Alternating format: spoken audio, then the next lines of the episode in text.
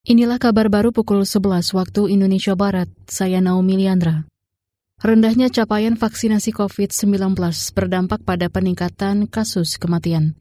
Koordinator Substansi Penyakit Infeksi Emerging Direktorat Surveillance dan Karantina Kesehatan di Kementerian Kesehatan, Endang Budi Hastuti mengatakan, kelompok rentan seperti balita, lansia, dan kelompok komorbid yang belum divaksinasi mendominasi angka kematian. Sebelumnya, Kemenkes mencatat sekitar 8.200-an pasien COVID-19 meninggal sepanjang Januari hingga saat ini. Komorbid yang terbanyak ini adalah diabetes mellitus, di mana 16% pasien memiliki komorbid lebih dari satu. Kemudian dari usia, ternyata 3% pasien berada di rentang umur 0 sampai 5, 5 tahun, kemudian 82% pasien di atas 45 tahun. Lalu kalau dilihat dari yang meninggal dan status vaksinasinya, ternyata dari 8.230 pasien yang meninggal rata-rata ternyata kalau dilihat juga ini 70 persennya uh, vaksinasinya belum lengkap. Itu tadi Koordinator Substansi Penyakit Infeksi Emerging Direktorat Surveillance dan Karantina Kesehatan di Kementerian Kesehatan Endang Budi Hastuti. Hingga kemarin kasus COVID-19 bertambah 21 ribuan kasus baru dengan 270-an kematian. Satgas COVID-19 juga mencatat 38 ribuan pasien sembuh dari virus corona. Kementerian Keuangan mengklaim Undang-Undang Harmonisasi Peraturan Perpajakan HPP memberi fondasi keadilan bagi seluruh masyarakat yang juga wajib pajak. Menurut Dirjen Pajak Suryo Utomo, Undang-Undang Harmonisasi Peraturan Perpajakan ini menjadi sistem yang menjaga kesehatan dan efektivitas pajak.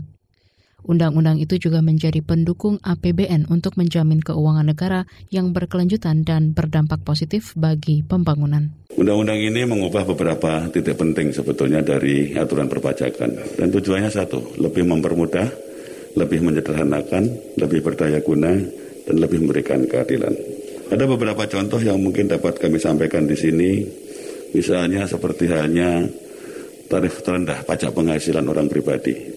Dirjen Pajak Suryo Utomo mencontohkan salah satu perubahan itu adalah peningkatan pos tarif pajak penghasilan atau PPH orang pribadi. Saat ini Kementerian Keuangan tengah menyosialisasikan Undang-Undang Harmonisasi Peraturan Perpajakan ke berbagai kota di Indonesia. Beralih ke berita olahraga. Tim bulu tangkis Indonesia hanya menyisakan dua wakil ganda campuran di babak perempat final Jerman Terbuka 2022. Di perempat final hari ini Rino Rivaldi Pita Haningtias Mentari akan berhadapan dengan pasangan Inggris Marcus Ellis Lauren Smith.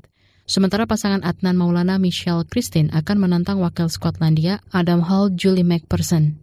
Sebelumnya, nasib kurang baik dialami wakil Indonesia di nomor tunggal putra seperti Jonathan Christie yang kalah dari tunggal putra Thailand Kunlafut Fitsidan dan Anthony Ginting yang juga kalah dari wakil India Lakshya Sen. Selain kekalahan di tunggal putra, Indonesia juga kehilangan satu-satunya wakil di nomor ganda putra. Pasangan Fajar Alfian Muhammad Rian kalah dari wakil Cina He Jiting Sao Haodong. Demikian kabar baru KBR, saya Naomi Liandra.